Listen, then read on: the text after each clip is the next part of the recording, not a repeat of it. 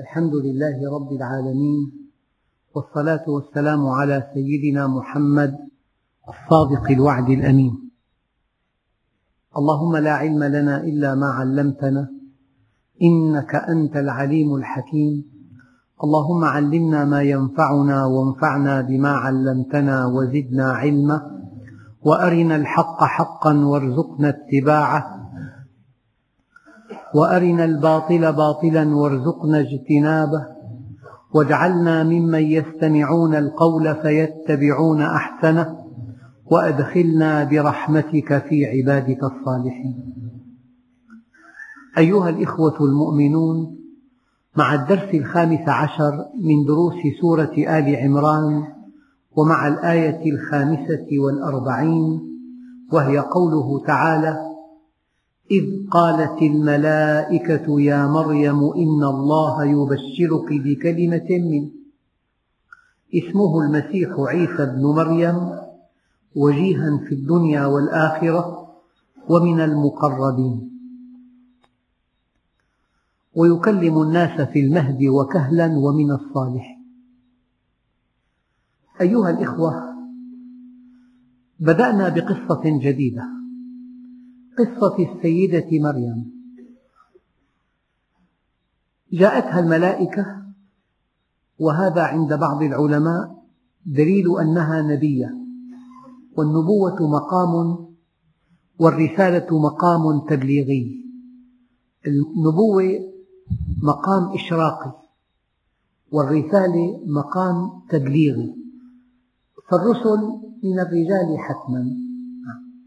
وما أرسلنا من قبلك إلا رجالا نوحي إليه إذ قالت الملائكة يا مريم إن الله يبشرك بكلمة. لأن الله عز وجل كن فيكون. إنما أمره إذا أراد شيئا أن يقول له كن فيكون. بعض العلماء يقول حتى في هذا تقريب لنا. أمره أسرع من ذلك. كلمة كن حركتين تحتاج فيكون حركتين أربع حركات. أمر وما أمرنا إلا كواحدة كلمح بالبصر الزمن معدوم بين إرادة الله وبين خلقه. لكن شاءت حكمة الله أن يجعل لكل شيء سببا في الدنيا. ما وظيفة هذا السبب؟ وظيفة هذا السبب أن العقل الذي أودعه الله فيك مبادئه ثلاث أحد هذه المبادئ السببية. فعقلك البشري لا يستوعب شيئا من دون سبب. لا يمكن أن تقبل شيئا من دون سبب. لا يمكن أن تدخل بيتك. فإذا المصابيح متألقة. وقد أقفلت البيت بنفسك. وليس أحد معه مفتاح البيت إلا أنت تقول حتما دخل لص لما قلت حتما دخل لص لأنه لا تستوعب أن تتألق مصابيح البيت من دون سبب من دون إنسان دخل البيت. نعم. إذا عقلك لا يقبل شيئا إلا بسبب. وقد صمم الكون على مبدأ السببية. الفاكهة من الشجرة والشجرة من البذرة.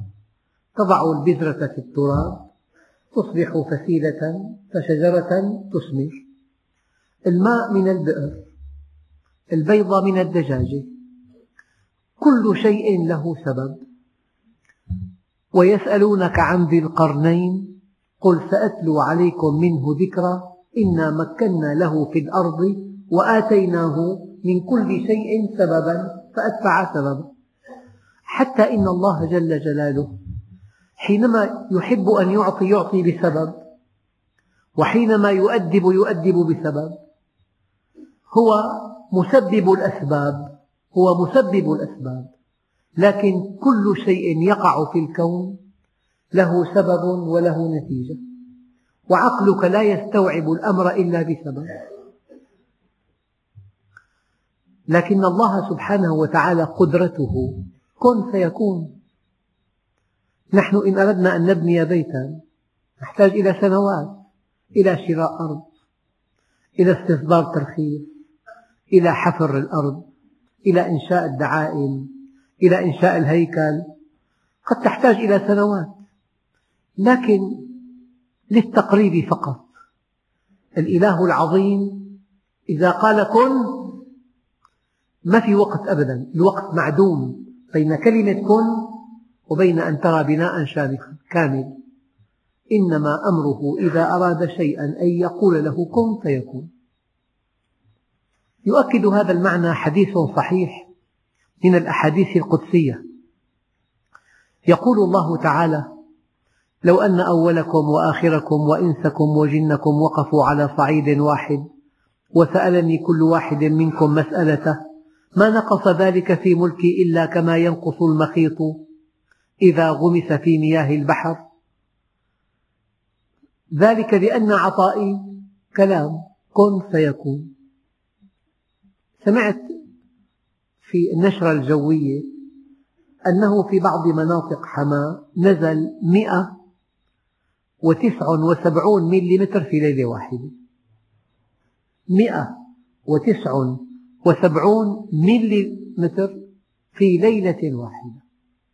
لو أراد الله لغرقت الأرض بالأمطار لأنه في حكمة بالغة تقنين الله تقنين تأديب لا تقنين عجيب.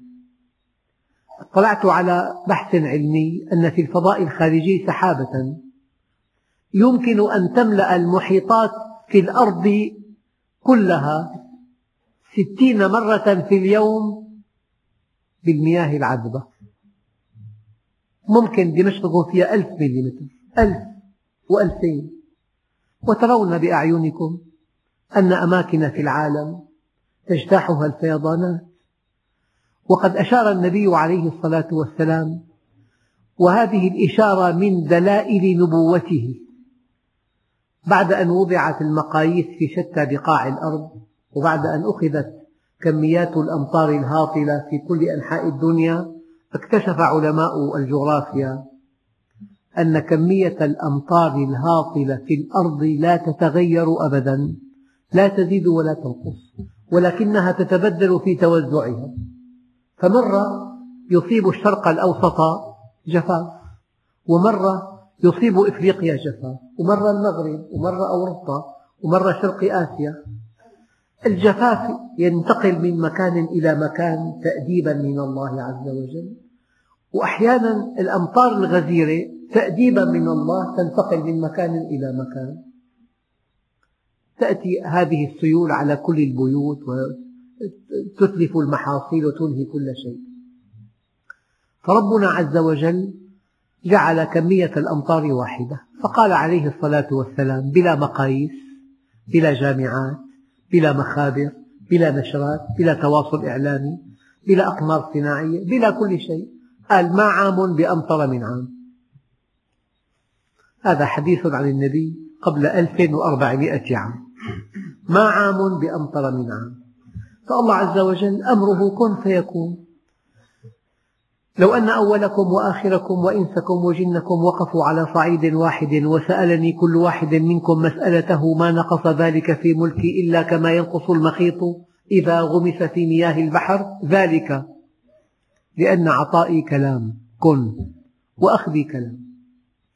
ولكن شاءت حكمة الله أن يكون خلقه وفق مبدأ السببية في الدنيا. لماذا؟ أنت إذا رأيت شيئا بلا سبب تقيس عليه الكون. تقول وهذا الكون بلا سبب. ولا يحتاج إلى خالق. ما دمت رأيت شيئا بلا سبب تجعله قانونا. لكن الله لحكمة أرادها جعل لكل شيء سببا. هذا المبدأ الذي تشاهده والذي رسخ في عقلك يهديك إلى مسبب الأسباب. طيب هذه الدجاجة من البيضة. وهذه البيضة من الدجاجة وهذه الدجاجة من البيضة. لا بد من أن تنتهي هذه السلسلة. أن تنتهي عند بيضة أو دجاجة. طيب من خلقها؟ من مسبب الأسباب؟ هو الله عز وجل.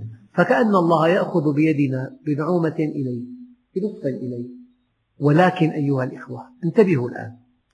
ولكن الإنسان أحيانا يظن أن السبب يخلق النتيجة الإنسان أحيانا يظن أو يتوهم أن السبب يخلق النتيجة.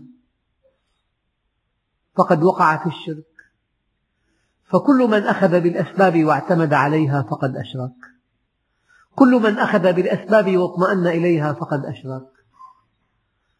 فالله عز وجل من حين إلى آخر يبين لنا من خلال أفعاله أن السبب لا يخلق النتيجة إنما يترافق مع النتيجة.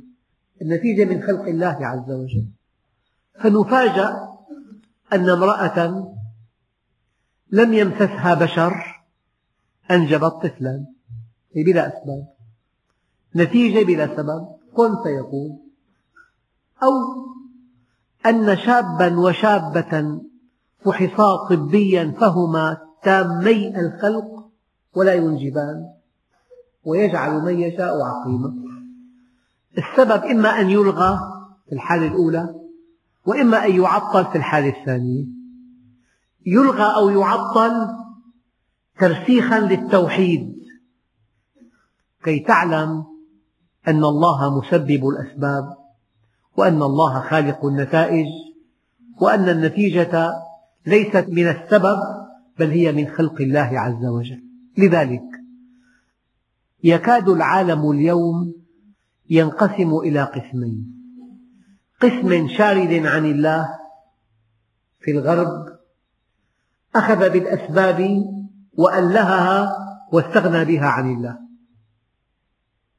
والقسم المقصر في الشرق المقصر لم يأخذ بها جهلا منه أن الله هو كل شيء.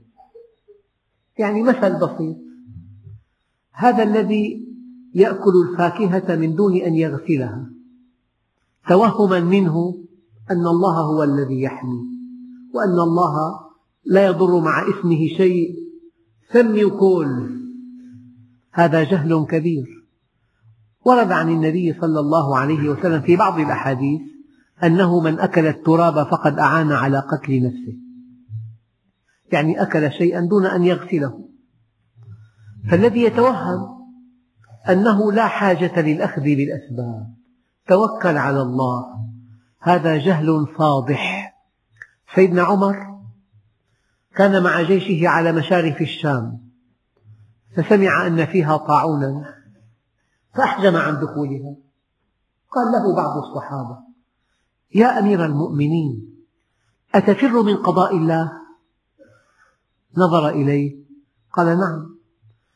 أفر من قضاء الله إلى قضاء الله. لو أنك تملك أرضين إحداهما معشبة والثانية مجدبة. أليس إن رعيت غنمك في المعشبة رعيتها بقضاء الله؟ وإن أرسلتها إلى المجدبة أرسلتها بقضاء الله؟ فنحن نفر من قضاء الله إلى قضاء الله السلام كمان قضاء من الله. أرأيتم إلى هذا الفهم العميق؟ أردت من كلمة كن فيكون الله قادر أن يخلق شيئا بثانية. كن فيكون حتى كن فيكون تقريب توضيح هو الزمن معدوم بين مشيئة الله وبين فعله. ولكن شاءت حكمته أن يجعل لكل شيء سببا. يعني ممكن أب يجد أمامه ابن عمره عشرون سنة كامل مثقف يحمل شهادة عليا ابنه. كن فيكون أما الطريق طويل كثير.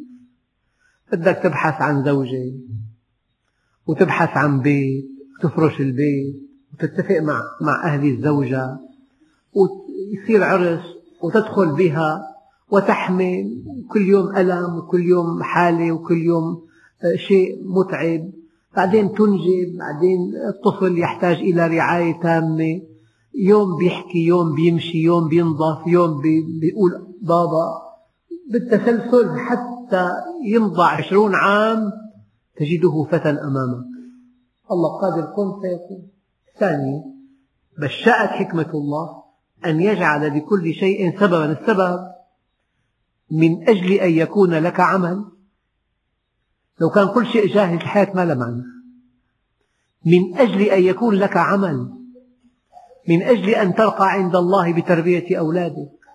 وأن ترقى عند الله بتعلم حرفة تكسب منها رزقك لولا أن الله جعل لكل شيء سببا لما ارتقى إنسان على وجه الأرض. الله مسبب الأسباب. لكن إنقاذا للتوحيد من حين لآخر يلغى السبب. أو يعطل يلغى السبب في السيدة مريم. أو يعطل في الشابين الشاب والشابة واللذين لا ينجبان. إذ قالت الملائكة يا مريم إن الله يبشرك بكلمة منه. يعني كلمة سيدنا عمر عزل سيدنا خالد ليش؟ قال له لما عزلتني؟ قال له والله إني أحبك قال لما عزلتني؟ قال والله إني أحبك يا أبا سليمان قال لما عزلتني يا أمير المؤمنين؟ قال والله إني أحبك الرابعة ألح عليه قال له والله ما عزلتك يا ابن الوليد إلا مخافة أن يفتتن الناس بك لكثرة ما أبليت في سبيل الله. إنقاذا للتوحيد. الناس توهموا أن أية معركة يدخلها خالد لا بد من أن ينتصر. من أجل أن يعرف الناس أن النصر من عند الله لا من عند خالد. فعزله والنصر استمر. يعني أخطر شيء في التوحيد أن تشرك أن تتجه إلى غير الله.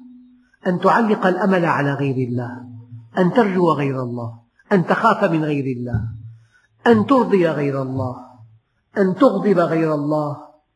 التوحيد ألا ترى إلا الله وألا تعبد إلا الله هو المعطي والمانع والخافض والرافع والمعز والمذل والرزاق يعطي ويأخذ ويرفع ويخفض ويعز ويذل هكذا.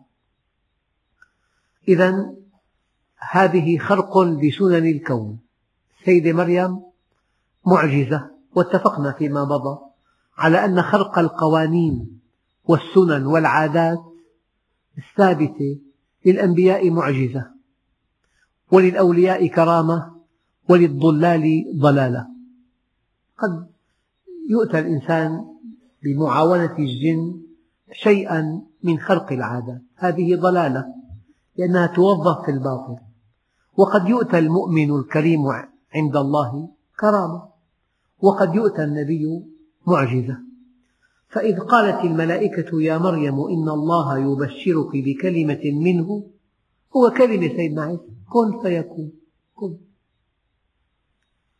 اسمه المسيح عيسى بن مريم. عيسى كما قال بعض العلماء تعريب كلمة يسوع. واليسوع هو المخلص. المسيح لقبه. وكلكم يعلم أن للإنسان اسما ولقبا وكنية ونسبا. إذا قلنا سيدنا عمر هذا اسمه. إذا قلنا أبو حفص هذه كنيته. وإذا قلنا الفاروق هذا لقبه. وإذا قلنا القرشي هذا نسبه. فللإنسان اسم وكنية ولقب ونسب. فسيدنا عيسى اسمه عيسى علم على الذات لقبه المسيح. لماذا نسب إلى أمه؟ مع أنه لم يرد في القرآن الكريم دون أن تستنبطوا شيئا من هذا. لم يرد في القرآن الكريم اسم امرأة على الإطلاق. يعني بعضهم اجتهد وقال أنا أكتب ندعو حضرتكم لحضور عقد قران فلان على كريمة فلان ويخفي اسمه فعل هذا بعضهم. لكن النبي عليه الصلاة والسلام صرح بأسماء بعض النساء. فإذا استنباط ظن على كل الواقع أنه لم يرد. في القرآن الكريم كله اسم امرأة إلا السيدة مريم. من أجل أن يكون هذا توكيدا أن المسيح ابن مريم وليس له أب. هذا إعجاز. لكن في استنباطات لطيفة. لم يرد في القرآن الكريم اسم النبي محمد صلى الله عليه وسلم على وجه الخطاب. يا محمد هناك يا عيسى ابن مريم إني متوفيك. هناك يا يحيى خذ الكتاب بقوة. هناك يا زكريا إنا نبشرك بغلام. ليس في القرآن كله يا محمد. في يا أيها الرسول يا أيها النبي هذا لعلو مقامه عند الله عز وجل. ما خاطبه باسمه أبدا. خاطبه بمرتبته. لكن في أعلى مقام الإنسان له نشاطات كثيرة. يأكل بينام يستريح يذهب يسافر. أما يوم يقام له حفل تكريمي كبير لمنحه شهادة عليا. هذا يوم من أيام العمر يوم بيتزوج يوم مثلا للتقريب يوم بينال شهادة كبرى يوم بيأسس شركة فرضا يوم بيتعين بمنصب رفيع هي أيام معدودة. في المواقف العظمى العظمى التي وقفها النبي خوطب بأنه عبد الله. أعلى مقام أن تدعو إلى الله وأنه لما قام عبد الله يدعوه. عبد الله. ثم دنا فتدلى فكان قاب قوسين أو أدنى فأوحى إلى عبده ما أوحى. في الإسراء سبحان الذي أسرى بعبده ليلا. يعني في أعلى مقام ينادى بأنه عبد لله. ونحن ديننا دين العبودية لله. يروى أنه رجل كان مسرفا في المعاصي والآثام. وعاقرة خمر وزنا وما شاكل ذلك. وكان غنيا مترفا عنده الجواري وما أدراك. طرق بابه رجل صالح. فتح عبد الباب. قال له قل لسيدك. إن كان حرا فليفعل ما يشاء. وإن كان عبدا فما هكذا تصنع العبيد. العبد يطيع سيده. فهذا العبد دخل على سيده وقال إن بالباب رجلا. يقول لك إن كنت حرا فافعل ما تشاء وإن كنت عبدا فما هكذا تصنع العبيد. فقال أدركه. رجل تكلم وذهب فهذا السيد فعلت هذه الكلمة في نفسه فعلا عجيبا فتبعه حافيا من دون نعل إلى أن أدركه وتاب على يده فسمي بشر الحافي. هذا الولي الكبير العارف بالله سبب توبته هذا الصالح. قال له إن كنت حرا فافعل ما تشاء وإن كنت عبدا فما هكذا تصنع العبيد. نحن عبيد لله عز وجل. من منا يملك أن يعيش إلى ساعة قادمة؟ من منا يملك ألا يكون في جسمه شيء خطير؟ والحقيقة أخطر الأمراض ما لا أعراض. ما لا أعراض. فإذا كنت تملك المستقبل فقل أنا. أما إذا كنت لا تملك دقيقة واحدة فقل الله. ونحن القاعدة الثابتة إن قلت الله تولاك الله. وإن قلت أنا تخلى الله عنك. وهل أنت أكرم من أصحاب رسول الله؟ في حنين قالوا نحن لن نغلب من قلة. نحن كثر. ويوم حنين إذ أعجبتكم كثرتكم فلم تغن عنكم شيئا وضاقت عليكم الأرض بما رحبت ثم وليتم مدبرين. أيها الإخوة الكرام وفي بدر ولقد نصركم الله ببدر وأنتم أذلة. احفظ هذين الدرسين. إذا وحدت وقلت الله تولاك بعنايته وإذا قلت أنا ونسبت الأمر إلى ذاتك وإلى علمك وإلى خبرتك وإلى مكانتك وإلى نسبك وإلى من حولك وإلى جماعتك تخلى الله عنك. لذلك دخل أحد كبار العارفين بالله إلى جامعه وحوله عشرات الألوف. فقال اللهم لا تحجبني عنك بهم. ولا تحجبهم عنك بي. لا تحجبني عنك بهم.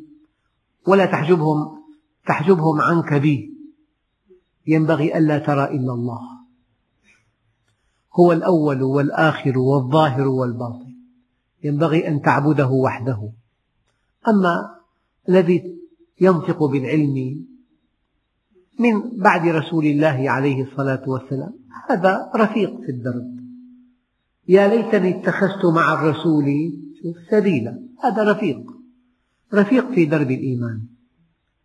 ليس هو الوجهة الوجهة لله عز وجل. والدليل سيدنا الصديق أنا لا أعتقد أن في الأرض رجلين يحبان بعضهما بعضا كحب الصديق لسيدنا رسول الله. ومع ذلك حينما توفي النبي قال أبو بكر البكاء المخلص الذي ذاب في محبة رسول الله كشف عن وجهه الشريف فقال طبت حيا وطبت ميتا. ثم قال لأصحابه من كان يعبد محمدا فإن محمدا قد مات ومن كان يعبد الله فإن الله حي لا يموت. هذا هو التوحيد. ديننا دين التوحيد. ديننا دين مبادئ لا دين أشخاص. دين مضامين لا دين عناوين. نعم.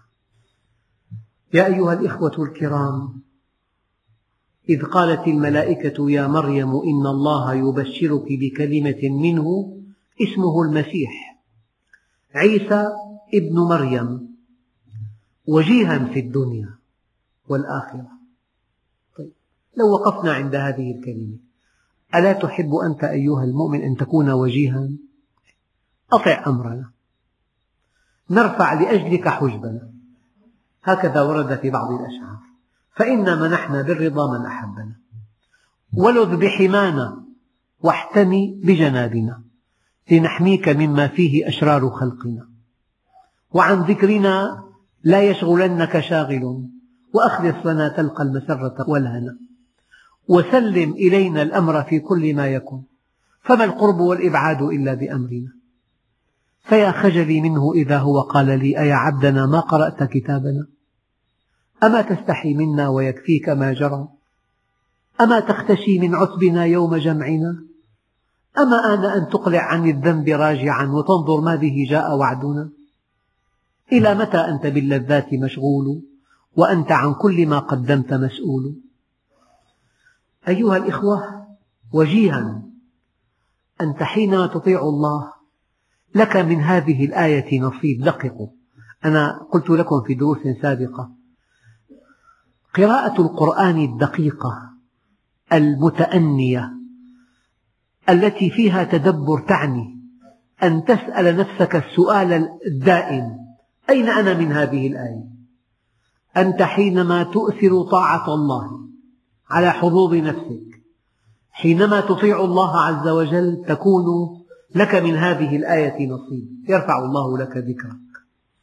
يقول مر إنسان من أهل الكتاب في الطريق رأى أحد كبار علماء المسلمين عبد الله بن المبارك يركب فرسا وكان بهي الطلعة. جميل الصورة. منير الوجه أنيق الملبس وحوله إخوانه الكرام يحفون به.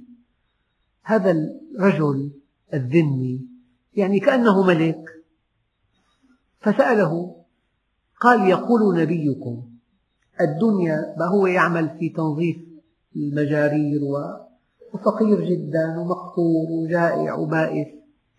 قال يقول نبيكم الدنيا سجن المؤمن وجنة الكافر. فأي سجن أنت فيه يا سيدي وأية جنة أنا فيها؟ ما فهم الحديث. أجابه ابن المبارك أنه ما أنت فيه إلى ما ينتظر العاصي هو في جنة وما أنا فيه إلى ما ينتظر المؤمن من نعيم مقيم أنا في سجن. يعني أعددت لعبادي الصالحين ما لا عين رأت ولا أذن سمعت ولا خطر على قلب بشر. الإنسان حينما يتعرف إلى الله يعلي الله قدره. شوف الآية وجيها في الدنيا والآخرة. لك مكانة يعني بالتعبير الدارج غالي على الله. ما لك هين على الله عز وجل. يدافع عنك ويعلي قدرك ويحفظك ويؤيدك ويوفقك ويشفيك ويطمئنك وييسر لك أمرك. هي بعض نتائج الإيمان. تعيش حياة طيبة هنيئة فيها رضا عن الله عز وجل. وجيها في الدنيا والآخرة. ولكل مؤمن من هذه الآية نصيب. إن أطعت الله تكون وجيها في الدنيا. يعلي الله قدرك يرفع ذكرك يحميك من عدوك. يجعل عدوك في خدمتك شاء أم أبى. إذا كان الله معك خدمك عدوك. وإذا كان عليك تطاول عليك قريبك. أبدا. إن كان الله معك خدمك عدوك اللدود. من دون أن يشعر. وإذا كان الله عليك تطاول أقرب الناس إليك عليك. أبدا. ومن المقربين. يعني الناس يبحثون عن مقام عن ثروة عن مركبة عن بيت فخم عن تجارة رابحة عن امرأة جميلة يبحثون عن متاع الدنيا. لو أنهم ذاقوا طعم القرب لو أنهم ذاقوا طعم القرب لو أنهم شعروا أنهم في عناية الله في رحمته في حفظه في تأييده لو أنهم قرأوا القرآن فذابوا خشوعا لله. لو أنهم صلوا صلاة مودع لكانوا مع الله في مناجاته. إن أردت أن تحدث الله فادعه وإن أردت أن يحدثك الله فاقرأ القرآن. ألم يقل النبي عليه الصلاة والسلام لي ساعة مع ربي لا يسعني فيها نبي مرسل ولا ملك مقرب. مقام عالي. ويكلم الناس في المهد وكهلا ومن الصالحين. هذه المعجزات. المعجزة قبل النبوة اسمها إرهاص يعني إشارة من الله. هذا الطفل الذي قال إني عبد الله وقد ولد لتوه. هذا شيء غير مألوف إطلاقا. يكلم الناس في المهد وكهلا ومن الصالحين. لأنه السبب في أن الأنبياء يحتاجون إلى معجزات. هو أنهم حينما يأتون بمنهج الله منهج الله في حدود وفي قيود. قد يسأل سائل يعني قد تجد في الهند مثلا 800 ألف يدينون بالبوذية دين وضعي من وضع البشر. تجد في بلاد العالم يعني بمئات الملايين يدينون ديانات ما أنزل الله بها من سلطان. قد يقول أحدكم هذه الأديان الباطلة كيف انتشرت؟ الجواب سهل جدا. هذه أديان ما فيها منهج ما فيها افعل ولا تفعل ما فيها تكليف فيها ولاء فقط. والولاء سهل. إعلان الولاء سهل جدا جدا سهل. تعال إلى هذا المكان وقم بحركات إيمائية وتمتم بتمتمات ثم افعل ما تشاء. خارجه. قضية سهلة جدا. لكن منهج الله عز وجل في آلاف الأوامر والنواهي. أنت محاسب حتى في خلوتك في البيت محاسب مع أقرب الناس إليك محاسب مع أولادك مع زبائنك في تجارتك في زراعتك في بيعك في شرائك في طبك. محاسب حساب دقيق. أنا لا أبالغ والله. منهج الله لو أردت أن أضع رقما لبنوده أكثر من خمسمئة ألف بند. لكن المسلمين مسخوا هذا المنهج إلى خمس بنود. صوم صلاة حج زكاة أما بيوتهم ليست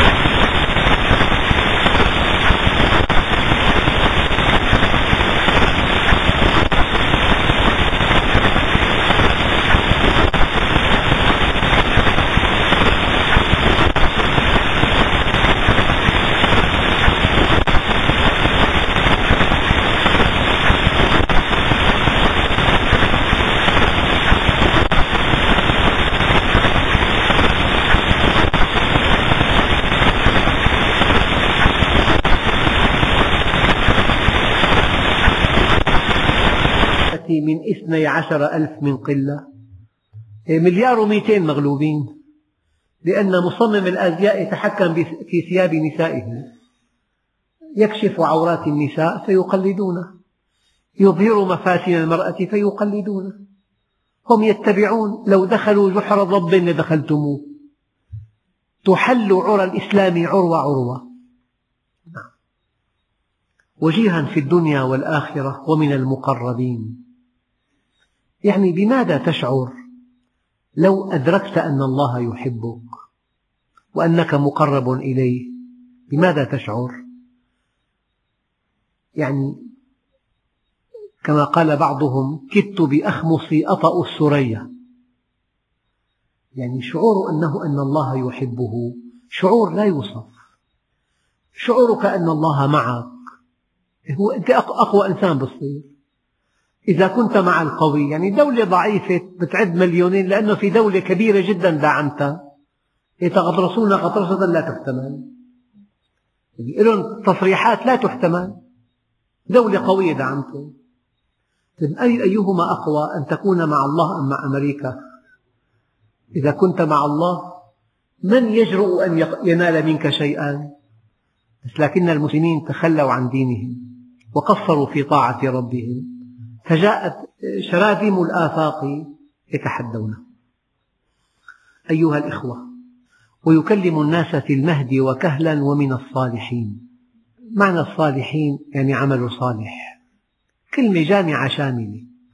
يعني في حركاته سكناته إقامته نومه استيقاظه وأكله وشربه وزواجه وتربية أولاده وبيعه وشراءه وكسبه للمال كله, كله وفق المنهج. صالح.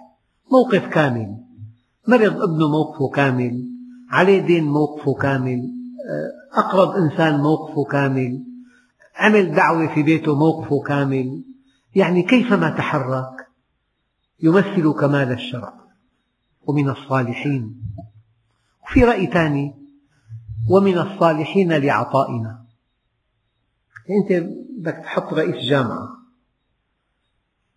ممكن تعين واحد أمي لا يقرأ ولا يكتب قد ما كان قريبك وتحبه. وتحب أن تنفعه بس ما تضبط تكون معه دكتوراه أقل شيء. إذا لك قريب معه دكتوراه ومتميز متفوق وله مؤلفات. هذا ممكن تفكر فيه. هذا ممكن. حطه رئيس جامعة. يعني النبي من شدة أدبه مع الله كان يقول اللهم إني أسألك موجبات رحمتك. من شدة أدبه موجبات رحمتك وعزائم مغفرتك. يعني ملك له ابن قال له يا بني أطلب وتمنى عليه يعني لو طلب منه مركبة يعطيه عشرة لو طلب قصر يعطيه قصور. قال له أحب أن أكون رئيسا للجامعة. يقول له لا يمكن ست حركات له لا. هذا منصب يحتاج إلى دكتوراه. لك أن تفعل كل شيء. أما أن تكون في منصب علمي هذا يحتاج إلى مؤهل. فمن الصالحين يعني مؤهل لعطائنا. أهل نفسه للجنة. هي الدنيا مدرسة. لو نفهم حقيقة الدنيا الدنيا كلها من أجل أن تؤهل نفسك لعطاء الله عز وجل. أن تصلح لعطاء الله. الآية الكريمة وقالوا الحمد لله الذي صدقنا وعده. شوف. وأورثنا الأرض. لولا أنه جئنا إلى الأرض وتعرفنا إلى الله في الأرض وغضضنا بصرنا في الأرض واستقمنا على أمر الله في الأرض وبذلنا الغالي والرخيص في الأرض وأنفقنا مالنا في الأرض وتزوجنا وفق سنة رسول الله في الأرض وكسبنا المال الحلال في الأرض وأنفقنا هذا المال في الأرض لما كنا في الجنة. وقالوا الحمد لله الذي صدقنا وعده وأورثنا الأرض. نتبوأ من الجنة حيث نشاء. لذلك في الدنيا جنة من لم يدخلها؟ لم يدخل جنة الآخرة. هي جنة القرب. أيها الإخوة شأن هذه السيدة الكريمة السيدة مريم كشأن سيدنا زكريا. قالت رب أنى يكون لي ولد ولم يمسسني بشر. كيف يعني؟ قال كذلك هكذا. قال كذلك الله يخلق ما يشاء إذا قضى أمرا فإنما يقول له كن فيكون هكذا. أي معجزة. هو الذي خلق الأسباب قادر على إلغائها. أو على تعطيلها ويعلمه الكتاب. الكتاب المنزل عليه. والحكمة يعني تطبيقه. حيثما وردت الحكمة مع الكتاب الكتاب مطلق كتب الوحي المنزل على أنبياء الله ورسله. والحكمة سنة رسول الله. يعني تبيان ما في الكتاب أو الأسلوب العملي لتطبيقه والتوراة والإنجيل عطف الخاص على العام. ويعلمه الكتاب والحكمة والتوراة والإنجيل ورسولا إلى بني إسرائيل أني قد جئتكم بآية من ربكم أني أخلق لكم من الطين كهيئة الطير فأنفخ فيه فيكون طيرا بإذن الله وأبرئ الأكمه والأبرص وأحيي الموتى بإذن الله وأنبئكم بما تأكلون وما تدخرون في بيوتكم إن في ذلك لآية لكم إن كنتم مؤمنين. وفي درس قادم إن شاء الله نتابع تفسير هذه القصة. في آل عمران. والحمد لله رب العالمين.